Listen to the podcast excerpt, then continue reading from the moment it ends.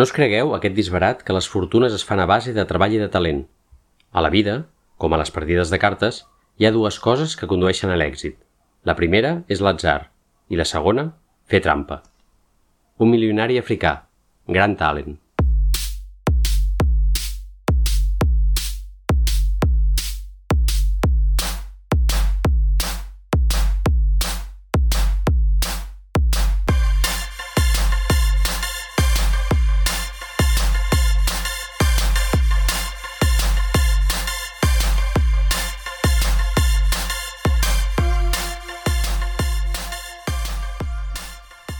Aquest any la Fira Liberis Liber ha reprès la seva activitat després de dos anys de parada i que una fira literària torni sempre és una bona notícia. Uh, nosaltres no hi havíem anat i per això doncs, era una cosa que ens venia molt de gust fer. La Fira Liberis Liber se celebra a Besalú, uh, normalment entre el primer o el segon cap de setmana d'octubre i és una fira d'editorials independents.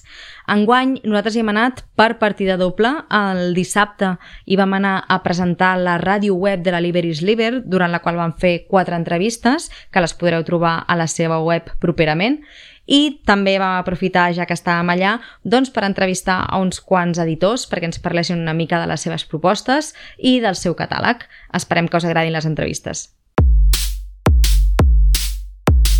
Comencem aquest seguit d'entrevistes aquí a la Liber is Liber amb, amb qui no podia ser d'altra manera, amb en Miquel Àngel Codes, que és l'organitzador de l'event i eh, el que ha muntat tot aquest tinglado, que déu nhi uh, La Liber is Liber, Miquel Àngel, uh, torna després d'un parell d'anys d'absència i això hem vist que ha, ha generat molta alegria en el sector editorial. Explica'ns com està d'això. Bé, ha canviat la conjuntura. Uh, nosaltres vam plegar perquè teníem un problema de, de no tenir prou temps i això és, un esdeveniment d'una envergadura important i per muntar aquestes coses necessites temps i per coses que no venen al cas de calendari, de subvencions, etc etc no hi havia manera de canviar aquestes dinàmiques i al final el 2020 vam, vam plegar però afortunadament hi ha hagut una rectificació per part de, de dues administracions, en aquest cas l'Ajuntament de Besalú i la Diputació de Girona, que ens han permès tenir aquest temps i amb molta alegria doncs, hem pogut recuperar la, la fira i el festival. I què suposa per vosaltres eh, muntar aquest festival? O sigui, per exemple, quanta gent hi ha darrere d'aquest festival, que és tan gran i que ha plegat tanta gent? molt bona pregunta, perquè som un equip molt, molt petitet, però tenim bones cames, això fa que ens multipliquem, però som, som molt poquets. I bàsicament amics eh, i, i família, fins i tot. Però sí, sí, ho tirem eh, endavant, també amb molta complicitat i comprensió per part de les editorials participants també s'ha de dir que justament per aquest, aquesta petita família que es crea també, també la, la Fira es respira un ambient molt, molt familiar. Eh, no som Fira Barcelona no ens dediquem a metre, a, perdó, a metre a vendre metres quadrats sinó que també ara això és horrible, però venem una experiència. Eh, una experiència de, de bàsicament eh, trobar-te desenes i desenes de persones que comparteixen una passió per, pels llibres i per la lectura i, i pels bons llibres eh, de tot tipus. Llavors, hem vist que hi ha hagut xerrades, ja nosaltres vam participar també en aquesta ràdio web que, que heu muntat. Uh, idea d'anar ampliant formats i tot això, perquè clar, la, ja, ja vas acumulant experiències i això, us obriu a, a nous formats per a aquesta fira? Bé, la, la idea, i, i no aprenem perquè som un equip petitet, sí, és, és créixer, sobretot en presència durant, durant tot l'any eh, volem estar presents durant més dies, que aquesta cosa maca que passa aquí només un cap de setmana s'allargui i aquí potser ens servirem de, de, les, de les tecnologies, no? de, perquè la gent tingui presents, presents tots aquests títols durant, durant més dies de, de l'any. Tot això ho estem encara definint i, i no li hem donat forma definitiva, però, però sí, volem eixamplar l'esperit Libre Silver durant tot l'any. Ah, llavors, voluntat o continuïtat, sí, les administracions eh, segueixen portant-se com s'han de portar, aquesta és la idea, no? Sí, sí, sí, però el que m'ha ensenyat aquests anys és que no te'n pots fiar. però, però bé, uh, tot apunta que almenys uns anyets sí que tindrem. Bueno, no mosseguem tampoc la mà, ara no, no, no, no, no ens posem a parlar de segons quines coses. Bé, el que hem vist també aquí, que, que ens pensàvem que érem bàsicament una fira d'editorials independents, com és, però editorials catalanes, hem vist que hi ha també editorials d'altres llocs de, de l'Estat, eh, teniu aquest interès d'anar ampliant eh, amb, amb, amb editorials d'altres territoris també. Sí, i tant. Nosaltres volem gent d'arreu. Sí que és cert que eh, per projectes interessantíssims, com per exemple podria ser que n'hi ha a Extremadura, eh, venir des de l'altra punta de la península cap aquí és gairebé inviable perquè estem parlant d'empreses molt petites, amb microeconomies, i un viatge d'aquests no, no, no els hi costa de, de poder fer, no? Per això també creem la, la figura de la llibreria representant.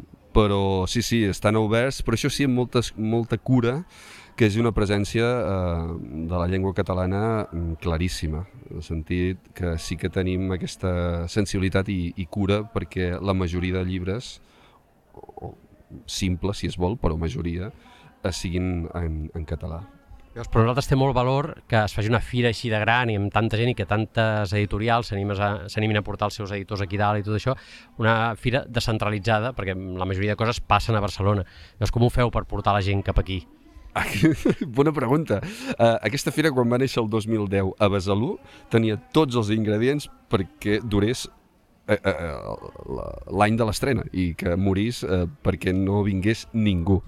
Uh, un poble de 2.000 habitants, sense tren, sense capacitat d'invertir mm, en publicitat, un format nou, el 2010 això ens ho vam inventar, ara hi ha altres fires que, que ens han replicat el model, però el 2010 era una novetat absoluta, tot apuntava que no aniria bé, però com que es van teixir aquests vincles fortíssims, aquells primers editors que potser van vendre un llibre i mig, eh, aquella primera edició, van tornar perquè veien que algú els hi estava reconeixent la feina i a poc a poc, a poc, a poc, a poc, any rere any, eh, va començar a venir molta gent.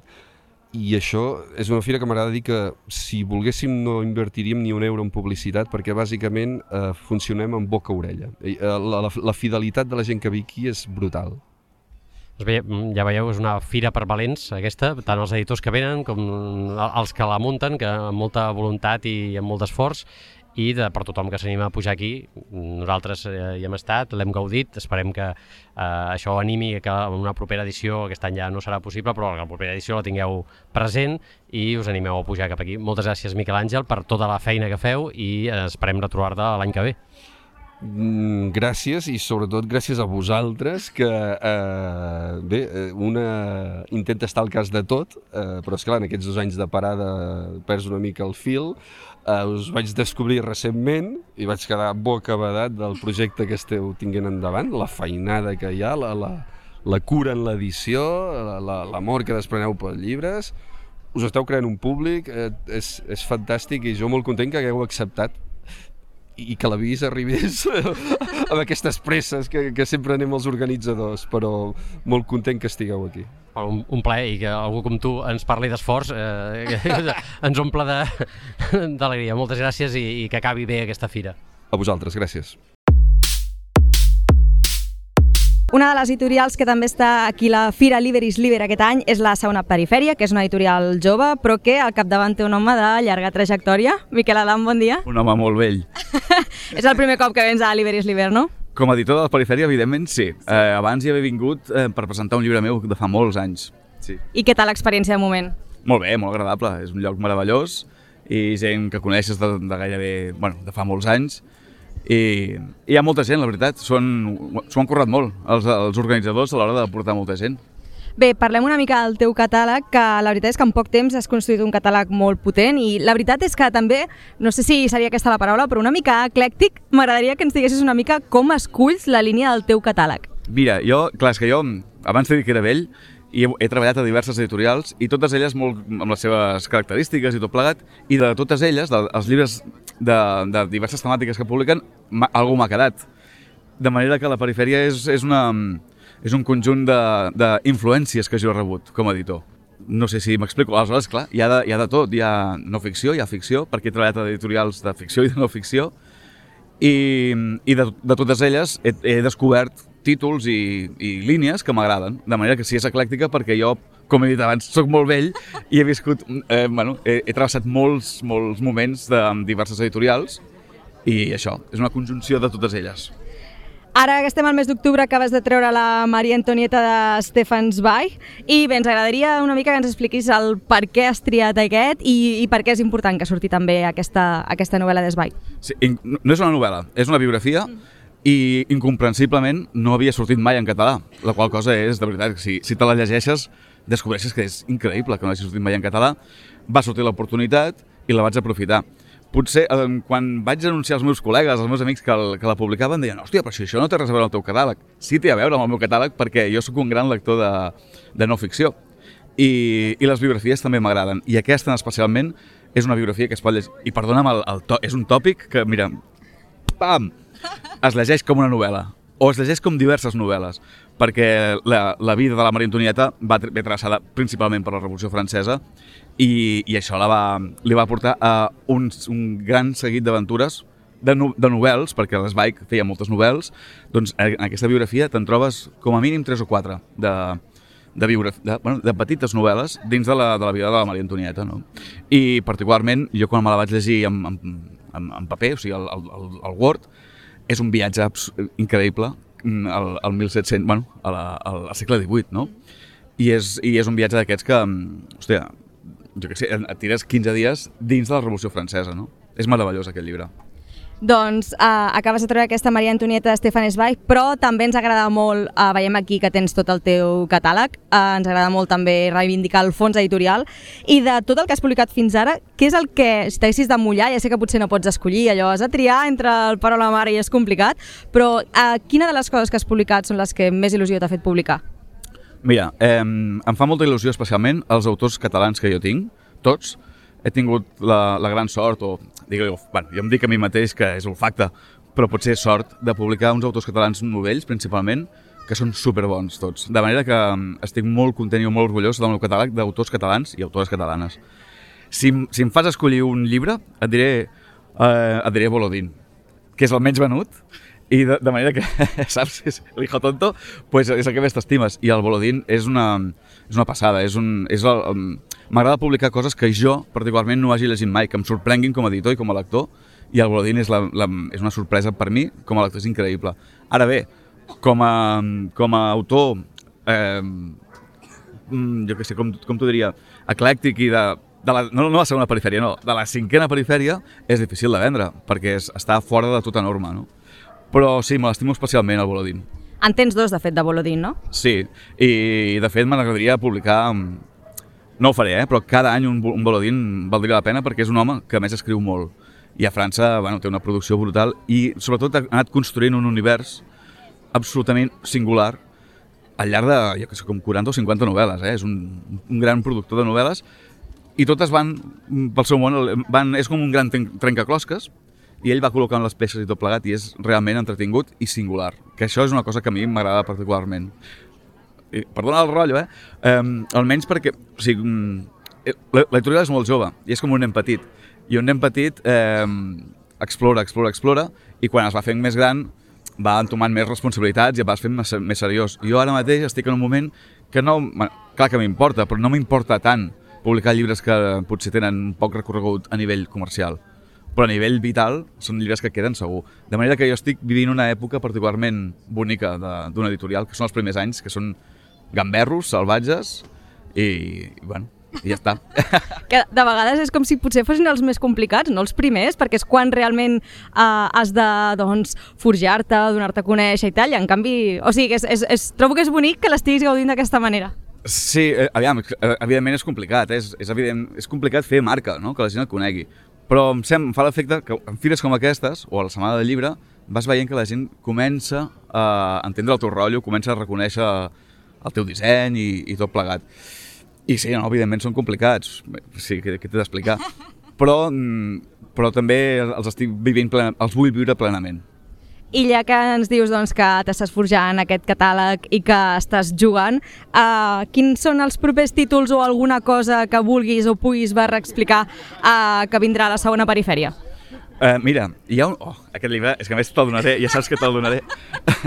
és l'últim de l'any, es diu Agafar les regnes, que és d'una senyora que, ni, que no coneixem aquí, que es diu Catherine Scanlon, que és una autora nord-americana, que ha fet una, una novel·la que Sí, és una novel·la que fusiona la biografia amb la ficció i és d'algú... Eh, M'agrada particularment perquè és una mena, una mena d'homenatge a la gent que no...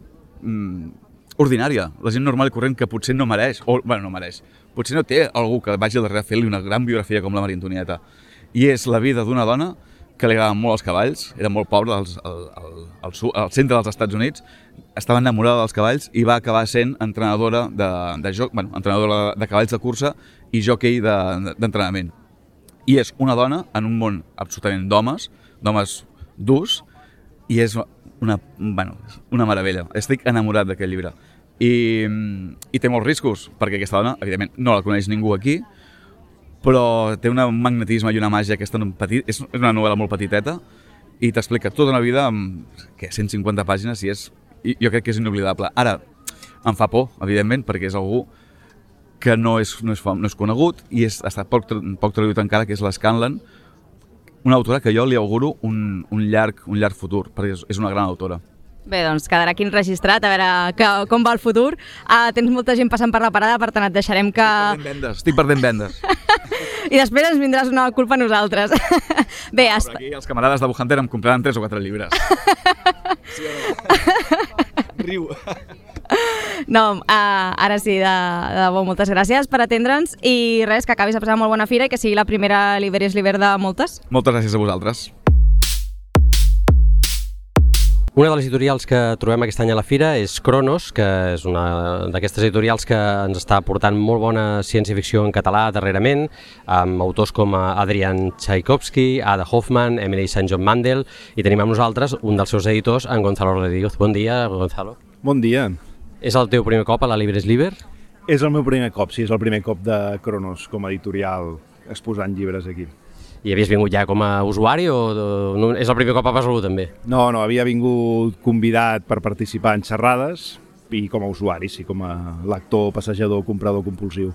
Bé, ara que dèieu alguns dels, dels autors que ja heu traduït a- al català, eh, he omès eh, expressament eh, la- l'estrella de, de, del moment, que és en Gu Mingyi, no? que és aquest autor que li acaben de donar el Premi Marcela de Juan de traducció del xinès i també el Premi de traducció del PEN català. Llavors, eh, parla'ns una mica d'aquest títol que ha sortit als mitjans eh, d'això, que ja té un temps de, que està publicat, però que últimament se l'ha vist molt pels mitjans. A veure, aquest títol sorgeix de, de la inquietud o del neguit de- d'anar una mica, sortir de la zona de confort que representava i representa encara traduir sempre des de l'anglès, des d'autors anglesos, però desconeixíem tant el Toni com jo totalment què, què podíem buscar o on buscar-ho. I vam anar a demanar ajuda a la Sílvia Fustegueres, de l'Illa Deserta, una bona amiga i una gran coneixedora i entesa de literatura sinòfona, i dels tres llibres que ens va recomanar, aquest de seguida, ja només llegint la sinopsi, ens va, ens va treure molt, ens va treure molt, ens va treure tant com per estar signant el contracte sense haver-lo llegit, perquè teníem molt clar que havia de que seria una aposta segura i el temps ens ha donat la raó. Per què? Perquè s'havia traduït a 14 idiomes ja abans del català, perquè també després vam saber que el Javier Altalló, el traductor del castellà del Cixin Liu, havia estat perseguint editorials d'aquí per traduir-lo al castellà i no se n'havia sortit, però si tant la Sílvia te'l recomana com l'Altalló creu que és un llibre que caldria traduir, bé, ja anàvem potser una mica sobre segur i crec que no ens hem equivocat. Llavors, eh, hem de dir que aquest llibre, eh, què, què ha suposat ara per l'editorial? Perquè vosaltres ja, ja teniu, teniu una, una trajectòria, ja aneu publicant autors que no ens havien arribat abans aquí, us, us aneu fent un lloc, dic, sobretot en el, fantàs, en el fantàstic català, però aquest llibre ha, ha suposat un, un, una empenta per l'editorial?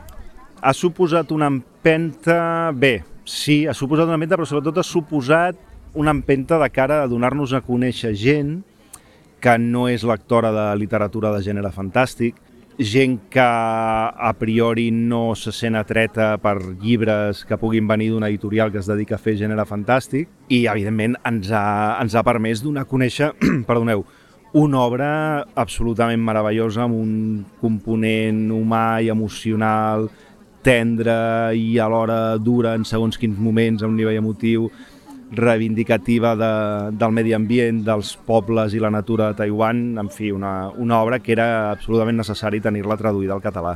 Això ja estic d'acord, una obra que és un goig poder tenir gaudir en català, més amb una edició que heu fet espectacular, que sempre jo la reivindico a tot arreu perquè mm, tant per la traducció, que és una passada, l'edició que heu fet amb les uh, il·lustracions de l'Elisa Encori, no? Eh, és un llibre meravellós de tenir a les mans. potser, com, com comentaves, e- és el llibre menys fantàstic del, del catàleg que, que teniu fins ara? Pot ser així? És el llibre menys fantàstic, no és un llibre de ciència-ficció, no és un llibre de fantasia, té un petit element no realista, si voleu dir-li així, Eh, en paraules de la Úrsula era l'equivalent al realisme màgic latinoamericà, però no és un llibre on trobarem ni elements típics ni clàssics de la fantasia ni de la ciència-ficció.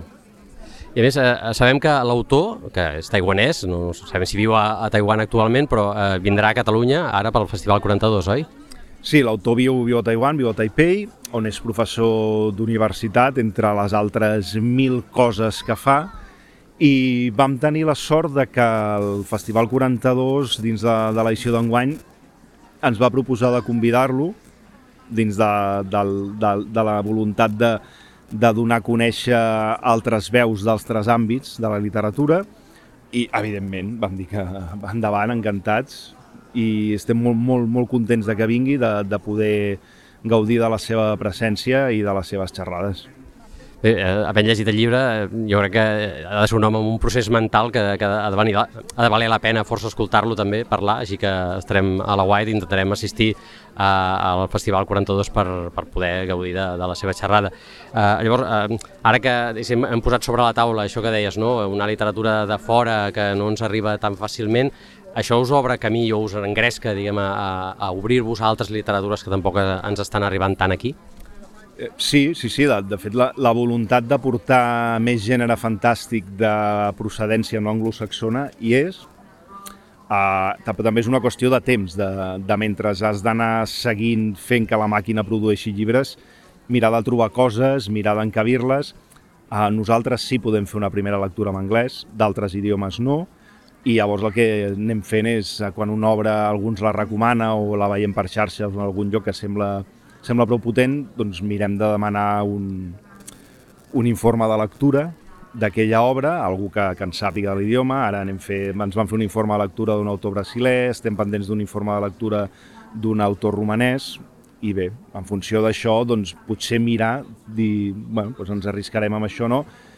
Però clar, també és un procés més lent perquè seguim necessitant el temps d'anar fent coses que vagin, que, que, sigui, que vagin sortint llibres. Però la voluntat hi és, hi és de, de poder oferir coses, si més no, no habituals, no per dir diferents, sinó no habituals, o que és més difícil que arribin a, als lectors d'aquí. Ai, eh, això m'obre una pregunta també, perquè potser un autor taiwanès és de lo més exòtic que se'ns pot acudir, però tu creus que qualsevol literatura del món amb una bona traducció i una bona edició eh, pot encaixar aquí al, al mercat de casa nostra? Home, sí, totalment, com ens ho demostra els dos premis que abans comentaves que ha rebut el llibre. A una literatura des d'una perspectiva i des d'un imaginari totalment diferent, tot i que molt semblant en d'altres coses, com pot ser el taiwanès, però que s'aconsegueix que ens arribi una, amb una fluidesa i amb una, i amb una proximitat que, que, bé, que, que tu com a lector t'enganxes al llibre i bé, i allò et va entrant i, i, entra, i entra molt bé, a més. Doncs bé, estarem a la guai de, de, de les coses així exòtiques que, que, que ens porteu i també de les altres, naturalment. Moltes gràcies, Gonzalo, per haver-nos atès i, i bé, que acabi de passar bé la Libre is Liber. A vosaltres, moltes gràcies. Doncs estem aquí a la Liberis Liber amb la Matilde Martínez, que és l'editora de Godall. Bon dia, Matilde. Hola, bon dia. Com va la calor? Molt forta, no toca, no toca aquesta calor. Venim des de fa 9 anys. Eh, El primer any que només teníem un llibre vam demanar per venir, no ens deixaven venir, però vam lluitar, lluitar, lluitar i ens van deixar venir. I vau venir només amb un llibre? Un llibre, sí, sí, fa 10 anys. Uh -huh. 10 o... sí, 10 o 9, vull dir, sí. I és una fira que us agrada, aquí venir a Besalú? Perquè la gent que ve a la fira ve a buscar llibres i ve a buscar editorials diferents o noves o petites i ens segueix, ja tenim un públic i a més el lloc és preciós, l'organització està molt bé, tot és bonic, ja ho veus. No? Sí, sí, és un lloc fantàstic, la veritat. És el primer any que veniu? Nosaltres és el primer any que venim aquí a la Fira Li- Liberis Liber, nosaltres vam començar el 2020 i clar, No hi havia... Sí, hem enganxat tota aquesta aturada i tothom està molt emocionat i crec que entenem per què, no? Perquè realment hi ha moltíssim sí, ambient. sí, sí, doncs és així. Visca l'Iberis Liber. Sí, i tant. I llarga vida. Parlem una mica del catàleg de Godall, perquè nosaltres us hem descobert sobretot amb la col·lecció de contes, que ja n'hem parlat, ahir en vam estar parlant i, i també a través de xarxes n'hem parlat, però a Godall teniu moltes més col·leccions a part d'aquesta de, de relats. Explica'ns una mica quines línies teniu. Aquesta que dius tu de relats, que n'hi diem narrativa, també hi ha assaig. I si t'hi fixes, bueno, no t'ho faré mirar, tenen, a sota de narrativa, tenen una petit elaia, que vol dir olivera en, en grec clàssic, llavors són els d'assaig, són els que hi ha pensament. Llavors aquests estan dintre de la col·lecció de narrativa, però volíem separar el que eren contes de ficció i narrativa, doncs, no narrativa, assaig, mm, de pensament. I és la subcol·lecció Elaia, que vol dir olivera en grec. Aleshores, dintre de la narrativa també, fa poc hem començat una nova col·lecció de narrativa, però gràfica, que es diu Gargot. Per què es diu Gargot? Doncs perquè té la paraula art en el logo, Uh -huh. perquè pensàvem que si hi ha gràfica volem que sigui artística, que no sigui només una cosa il·lustrada per qualsevol, sinó artística i que sigui literatura i text i, i gràfic estiguin integrats i que formi un altre artefacte. I aquest va sortir arrel de publicar en la col·lecció de narrativa normal l'artista russa Victoria Lomasco amb els dos llibres sobre Rússia, Altres Rússies i l'última artista soviètica. Quan els vam tenir els dos fets, un fa tres anys i l'altre l'any passat, vam veure que perquè no iniciàvem una col·lecció gràfica, perquè ja ho és, i no està en la col·lecció, però va ser l'espurna que ens va fer doncs, obrir-nos a un altre tipus de literatura, que és la literatura gràfica. I el que volem és que sigui, mm, sobretot, bueno, que integri text i gràfica, arti art i literatura, que també és art, i que sigui sobre temes molt, molt actuals. I de moment no sabem si ho estem aconseguint, anem per aquí o que sigui diferent. Cada llibre té un format diferent i tal. I és la col·lecció Gargot, del qual tenim quatre títols en català i un en, un en castellà, no, un en castellà, sí. I la poesia, no, també? I després ve la col·lecció de poesia, que és la que, ens ha, a la que molta gent només ens coneix. Tenim 42 títols, ara acaba de sortir un, passa'm el, passa'm el llibre, que fins avui no l'hem ensenyat, perquè com que va sortir l'altre dia i l'autor que viu a València no l'havia vist, jo dic no el, vull, no el vull ensenyar fins que ell no vegi les Clar, fotos. clar. I ahir vespre em va dir que ja em donava permís, que és aquest, veus que és el número 42. 42. I llavors en aquesta col·lecció tenim tant autors catalans, autores catalanes, valencianes, mallorquines, com traduccions de poetes d'altres llengües. I en aquest cas estan amb les dues llengües. Aquí tenim la llengua original i aquí tenim. I també m'agrada que hi hagi molta diversitat lingüística i tenim del llatí, tenim del romanès, del grec modern, de l'anglès, de l'italià, no sé si me'n deixo alguna, eh? Així. Llavors busque, bueno, tenim propostes poètiques interessants doncs d'altres llengües. Sí, bueno, un catàleg molt extens, perquè 42 títols, la veritat és que déu nhi ja, no? T'he de dir que aquesta col·lecció té el nom de Cadup, això també ho vull explicar, Sí, sí. perquè és molt maco. Nosaltres portem el nom, Godall, això crec que ja ho vaig explicar, ja ho sap molta gent, és un poble del Montsià, un poble que es dedica al cultiu de l'olivera, amb les pujades i baixades actualment doncs els preus de l'oli com estan, la gent viu bàsicament de les oliveres. Hi ha oliveres mil·lenàries, nosaltres hi tenim una casa allà i som els forasters d'aquest poble, però ja fa molts anys i ens tenen acceptats. I quan vam fer la, vam fer l'editorial i vam voler posar el nom del poble per posar el Montsià i el poble en el mapa literari del món, perquè són pobles d'aquests que van perdent, van perdent la població, la gent és pagesa, quan se jubilen no hi ha relleu generacional, i no, com que no és turístic, molta gent no sap ni que existeix, i ens agrada doncs, posar aquests pobles. Al... I en aquest poble, el poble del costat, que es diu La Galera, hi ha un terrisser que és l'únic que queda de les Terres de l'Ebre, del Montsià, de la part del sud de les Terres de l'Ebre, i fa cadups. El cadup era la peça que es posava a les sínies, a les nòries, a les sínies, per treure aigua de la terra, perquè allà doncs, regaven així. I són unes jarretes de, de terrissa així molt, cilíndriques molt boniques. I ell en fa ara, els fa per la jardineria, ara la gent no en fa, però el seu avi i el seu pare els feien a mils perquè els treien i es trencaven. I jo, que sóc amiga d'ell en, el seu en el seu taller, dic, ostres, és que és molt bonic això. Posarem a la col·lecció de poesia Cadup, que és un nom del Montsià, que és això, aquesta peça, perquè què fa la poesia? la poesia va traient bellesa de la terra i ens la va donant, igual que els cadús donaven aigua a poc a poc de la terra. I per això estic molt contenta d'aquest nom. És un nom del Montsià, a València i a Mallorca es diu caduf, Uh -huh. i a Catalunya, a Catalunya Vella o la Catalunya el que diem al Principat d'aquí dalt es diuen catúfols, que en realitat és un diminutiu de caduc però fer catúfols vol dir donar Sí, voltes. sí, sí, sí. Però és com pejoratiu. Allà no, allà és un nom totalment Mhm. posat en, a, en a la vida dels pagesos. Doncs que xulo que totes les col·leccions que teniu a més giren al voltant del poble o de la- L'olivera. Clar, ara entenc aquestes- també el, el nom de la col·lecció dels relats que m'has dit abans, no? del nom d'olivera en llatí. Clar, doncs és això, Mhm. Alaia. I Exacte. llavors, doncs, aquestes són les col·leccions en català. No tenim cap més col·lecció i jo no vull obrir més col·leccions. Molta gent em diu per què no fas novel·la. És veritat que la novel·la es ven més. M'agrada molt llegir novel·les Mhm. i disfruto molt quan una novel·la és bona, però ja hi ha moltes editorials que fan novel·les. Jo no puc obrir més, Mhm. més, més vies. Més vies. I llavors en castellà també tenim molt menys, però hi ha col·lecció de poesia, col·lecció de relat, també la gràfica, una de les gràfiques, i després també tenim algun llibre fora de col·lecció. Per exemple, no està aquí perquè es va exaurir, un llibre de poetes sirians que vam fer en col·laboració amb Polen i la ONG mm, So de Pau, que era poetes sirians que havien estat a la presó i a l'exili, i llavors doncs, eren poeta, poemes d'ells, traduïts de l'àrab, preciós, però fora de col·lecció. I ara hem tret, també fora de col·lecció, aquesta antologia de, de poesia catalana feminista, que clar, no la podíem posar ni a l'assaig, perquè té part d'assaig, de pensament i de reflexió, però també té part de poemes, però no podia estar... La... Llavors l'hem tret a fora de col·lecció, que es diu Flamarades sortiran, que és un vers de la Josepa Contijoc, que acaba dient això, que quan les dones saltem tots els marges i totes les lleis i desafiem les lleis, el que sortiran és flamarades. Sí. Molt maco. Sí. Doncs agafo la idea aquesta que m'estaves explicant ara de que no vols obrir més, més línies, perquè hi ha una campanya que teniu també que m'agradaria que me l'expliquessis, que és aquesta de fins que no l'has llegit, un llibre sempre és novetat, que ahir em vas explicar que l'havíeu tret per Sant Jordi, Sí. no? que intenta fer un front una mica a aquesta bogeria de les novetats, de que representa com, com si els llibres tinguessin una vida molt curta i que nosaltres estem molt d'acord en que això no sigui així.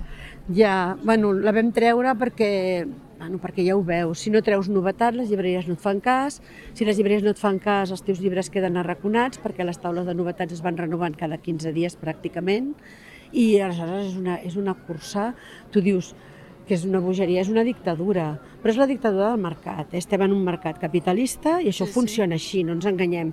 I és clar, què fem nosaltres amb unes idees, diguem-ne, diferents, en dintre d'un mercat que funciona? Aleshores no pots fer res, el que pots fer és surfejar el mercat i intentar fer córrer una sèrie d'idees perquè la gent sigui conscient de que, de que això funciona així i que hauríem d'anar una mica contra una mica a la contra d'aquest mercat. I llavors això de la idea de que tu vas a un lloc i diuen és que aquest llibre fa tres mesos que ha sortit i, i diu, i això doncs perquè em portes un llibre de fa tres mesos i és que és esgarrifós, perquè fins i tot que fes tres anys. O sigui, com pot ser que algú que no ha llegit un llibre digui que aquest llibre no és novetat? Però clar, què es passa als medis de comunicació? Només treuen novetats, les llibreries volen vendre, posen les novetats a sobre de les taules, perquè és el que... Llavors és una roda que és molt difícil El que de surt a la trencar. tele, no? I aleshores nosaltres doncs, hem fet això, és una mica, és una mica kamikaze, és una mica és una acció directa, com qui Eh, diu. militància, militància. Militància, però és que hi creiem, perquè tenim llibres al catàleg, ja portem 10 anys, molt bons, Mhm. i que la gent no els coneix. Per això les fires són bones, perquè les fires ens permeten que algú vegi tot el que fem, que poder explicar els llibres si es fixen un a un sense dir si això ha sortit fa 15 dies o ha sortit fa, fa 10 anys. I clar, això a les llibreries, si no tens un llibreter molt, molt còmplice, no vull dir res contra els llibreters que ens estimen molt, eh? però clar, tenen moltes editorials allà. Clar, ells també tenen És- una feina difícil, També tenen no? una Perquè feina difícil, perquè també... eh, Tenen moltes... moltíssimes editorials per triar. Clar, i tot. Però clar, nosaltres aquí ho podem explicar en primera persona i si no hi hagués les fires molta gent no ens coneixeria Mhm. o no sabria tot el que fem. Es pensaria que tenim un llibre de tant en tant. Doncs és per això. Llavors aquesta campanya va a fer aquesta consciència. Regalem aquestes postals a les llibreries, regalem a les biblioteques.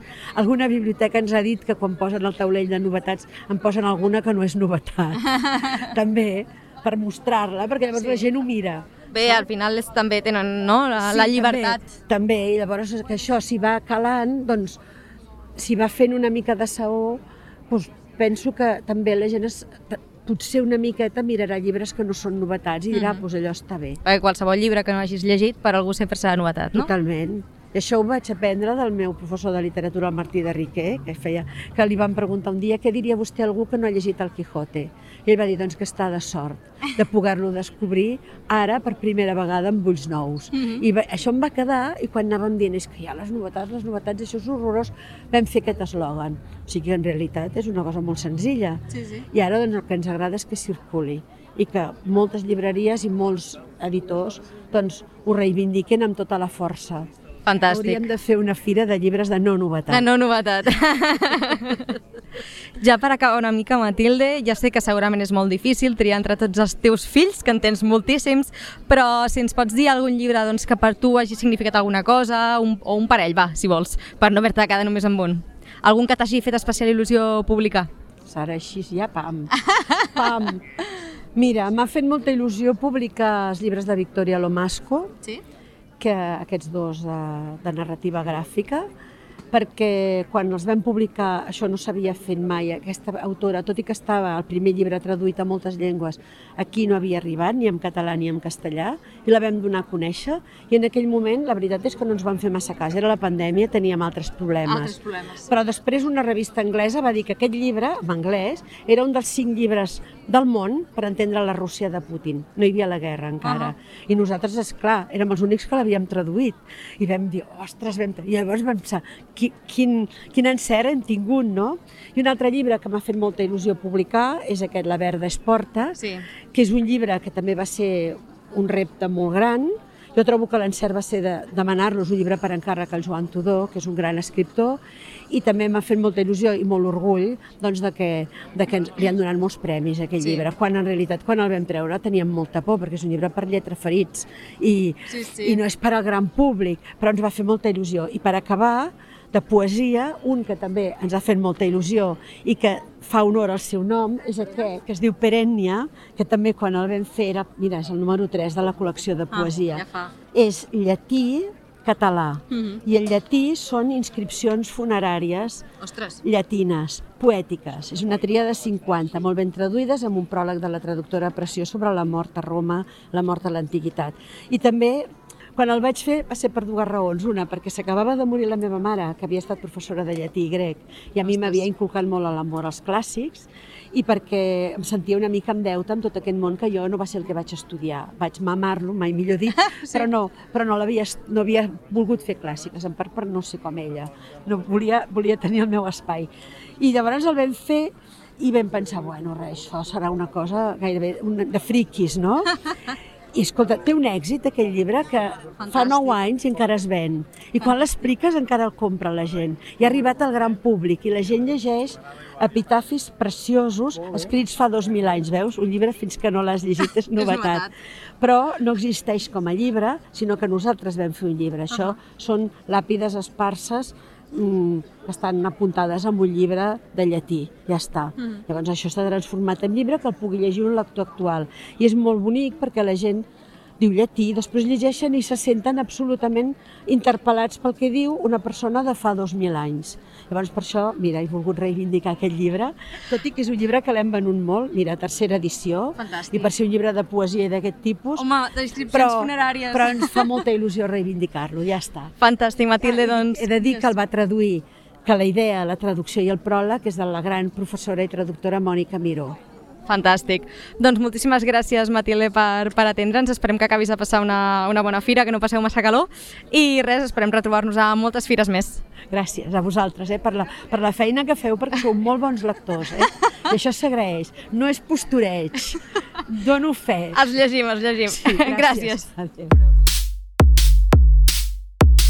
Una de les editorials que estan enguany a la Libres Liber i que no és de Catalunya és Nòrdica, que és una editorial que ja comença a tenir un volum important i comença a tenir un nom molt important dintre del sector editorial espanyol i és una editorial de Madrid. Eh, Tenim amb nosaltres per això la Núria Alvesa, que és catalana i eh, portarà una línia en català eh, dintre de Nòrdica Editorial.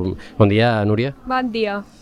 I és això, no fem una mica de trampeta perquè clar, l'editorial és de Madrid, però eh, heu obert ara recentment una, una línia en català i ens agradaria que ens expliquessis una mica com ha anat això, com una editorial de Madrid es lia a, a començar a publicar llibres en català de manera regular, perquè alguna coseta ja havíeu fet, oi? Efectivament. Uh, Nòrdica va néixer l'any 2006 amb la voluntat d'acostar la literatura nòrdica al, al públic espanyol, uh, evidentment es diu així per això, Uh, però també amb la voluntat d'apropar el món de la il·lustració i dels clàssics il·lustrats al, a, a tots els, els parlants. No? Uh, el tema del català sempre hi havia sigut, però eh, no va ser fins anys més tard que llavors el, el Diego va eh, llançar-se a traduir clàssics il·lustrats i fer una edicions doncs, molt preciosistes i, i vaja, amb, amb, la, amb la voluntat que el públic català evidentment també tingués eh, llibres ben editats i, i amb bones il·lustracions. Aquest any, el 2023, al, al març, ens llancem a fer aquesta col·lecció de narrativa contemporània traduïda, precisament amb la voluntat doncs, d'acostar autors nòrdics en català, no només nòrdics, és a dir, autors d'altres procedències també, eh, amb la voluntat que arribin també, evidentment, a, la línia en castellà està molt, molt consolidada, Nòrdic és una editorial que es coneix, que com bé deies doncs, cada vegada té més prestigi, però en català també, i, i per tant la feina és, ara comencem, però la idea és anar, anar publicant títols. I llavors, eh, el que hem vist de moment, heu publicat a, a l'autora bueno, canadenca Aki Shimazaki, que és d'una sí. estètica molt japonesa, perquè ella és d'origen japonès. Ella és japonesa, establerta al Canadà des dels anys 80. A partir del 1991 ella va canviar i va començar a publicar la seva obra en francès, cosa un híbrid una mica estrany, i efectivament nosaltres ara estem publicant la pentalogia L'ombra del cart, hem publicat dos títols, el primer Azami i el segon Ozuki, i ara, el 30 d'octubre, publiquem Suïssen, que és la, la tercera novel·la, amb la intenció de publicar el quart i el cinquè en els propers mesos. I també hem publicat Doppler, que és eh, aquesta obra satírica, irònica d'aquest noruec, que és una, una novel·la esplèndida, és una crítica molt satírica al, al capitalisme, i vaja, volem publicar textos eclèctics que es complementin, que dialoguin entre si, però sense cap complex, a poc a poc, i són novel·les que ens agraden i que pensem que defensen bé la idea que nòrdica té de la literatura. Mica en mica ens van arribant uh, autors nòrdics, que fins ara potser era una literatura que no s'havia explorat gaire, ara hi ha moltes editorials que van explorant. Que van llançant, i tant. Sou una editorial que per nosaltres és força gran, una editorial espanyola, Uh, sereu competència de les editorials d'aquí? Creus que podeu entrar en conflicte amb algunes editorials que s'han llançat, com, com comencen ara a publicar força literatura nòrdica? Jo no plantejaria en termes de competència, crec que està molt bé que, que els editors es llancin a, a traduir literatura nòrdica en general i per tant no considero que sigui competència, sinó nosaltres fem fins on podem i, i els altres ens complementen. Per tant, com més literatura nòrdica hi ha, crec que al final ajuda a que es difongui, que és el que volem tots. Per tant, eh, estem molt feliços quan es tradueix un autor nòrdic i, i ja està. Bé, a nosaltres ens interessa perquè, d'altres coses, bueno, la gent que ens coneix de, de xarxes, nosaltres organitzem el Juny Nòrdic, que diem que, sí. que és, que és eh, perquè la gent es llenci a llegir literatura nòrdica amb qualsevol llengua, i si se les poden llegir en una llengua original, doncs molt bé, però mira, ara que tenim la sort de que ens traduïu tantes coses, doncs, doncs molt bé. Llavors, la línia aquesta en català, eh, perquè Nòrdica publica força, força sovint en sí. castellà, quina periodicitat li calculeu que, que tindrà?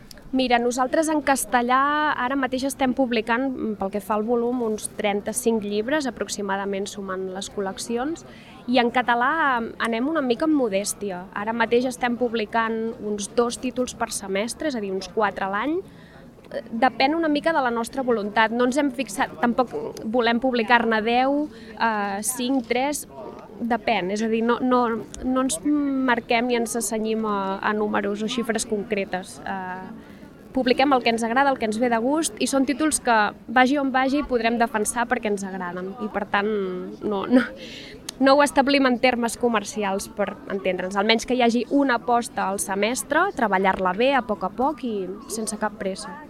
Bé, i ara un dels títols que us tocarà defensar uh -huh. és aquest eh, Mañana i Tarde de, del recent, molt, molt recent Premi Nobel John Fosse, eh, que heu estat diguem, l'editorial agraciada com en la loteria de, de cada any del Premi Nobel. Com ha anat això? Perquè ha sigut, just publicàveu aquest llibre i li han donat el premi. Ha sigut una sorpresa molt grata, de fet, a veure, Fosse és un dels, eh, com Cartaresco, no? és un dels autors que durant molts anys havia estat nominat a, al Premi Nobel i evidentment ha estat una sorpresa i una alegria increïbles. El llibre, de fet, surt a la venda demà. Vam començar a fer tota la comunicació del del llibre eh, uns dies abans que s'anunciés, donant per sentat que potser no, no, no era escollit, no? però ha estat una, una alegria increïble.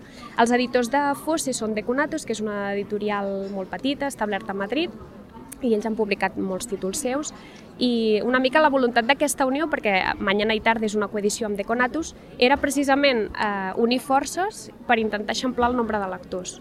Uh, i, I aquesta notícia ens ve realment molt, molt bé per poder, per poder arribar a més gent, perquè és un autor potser una mica minoritari, però aquest tipus de reconeixements van bé per precisament acostar-lo a un públic, diguem-ne, més, més general.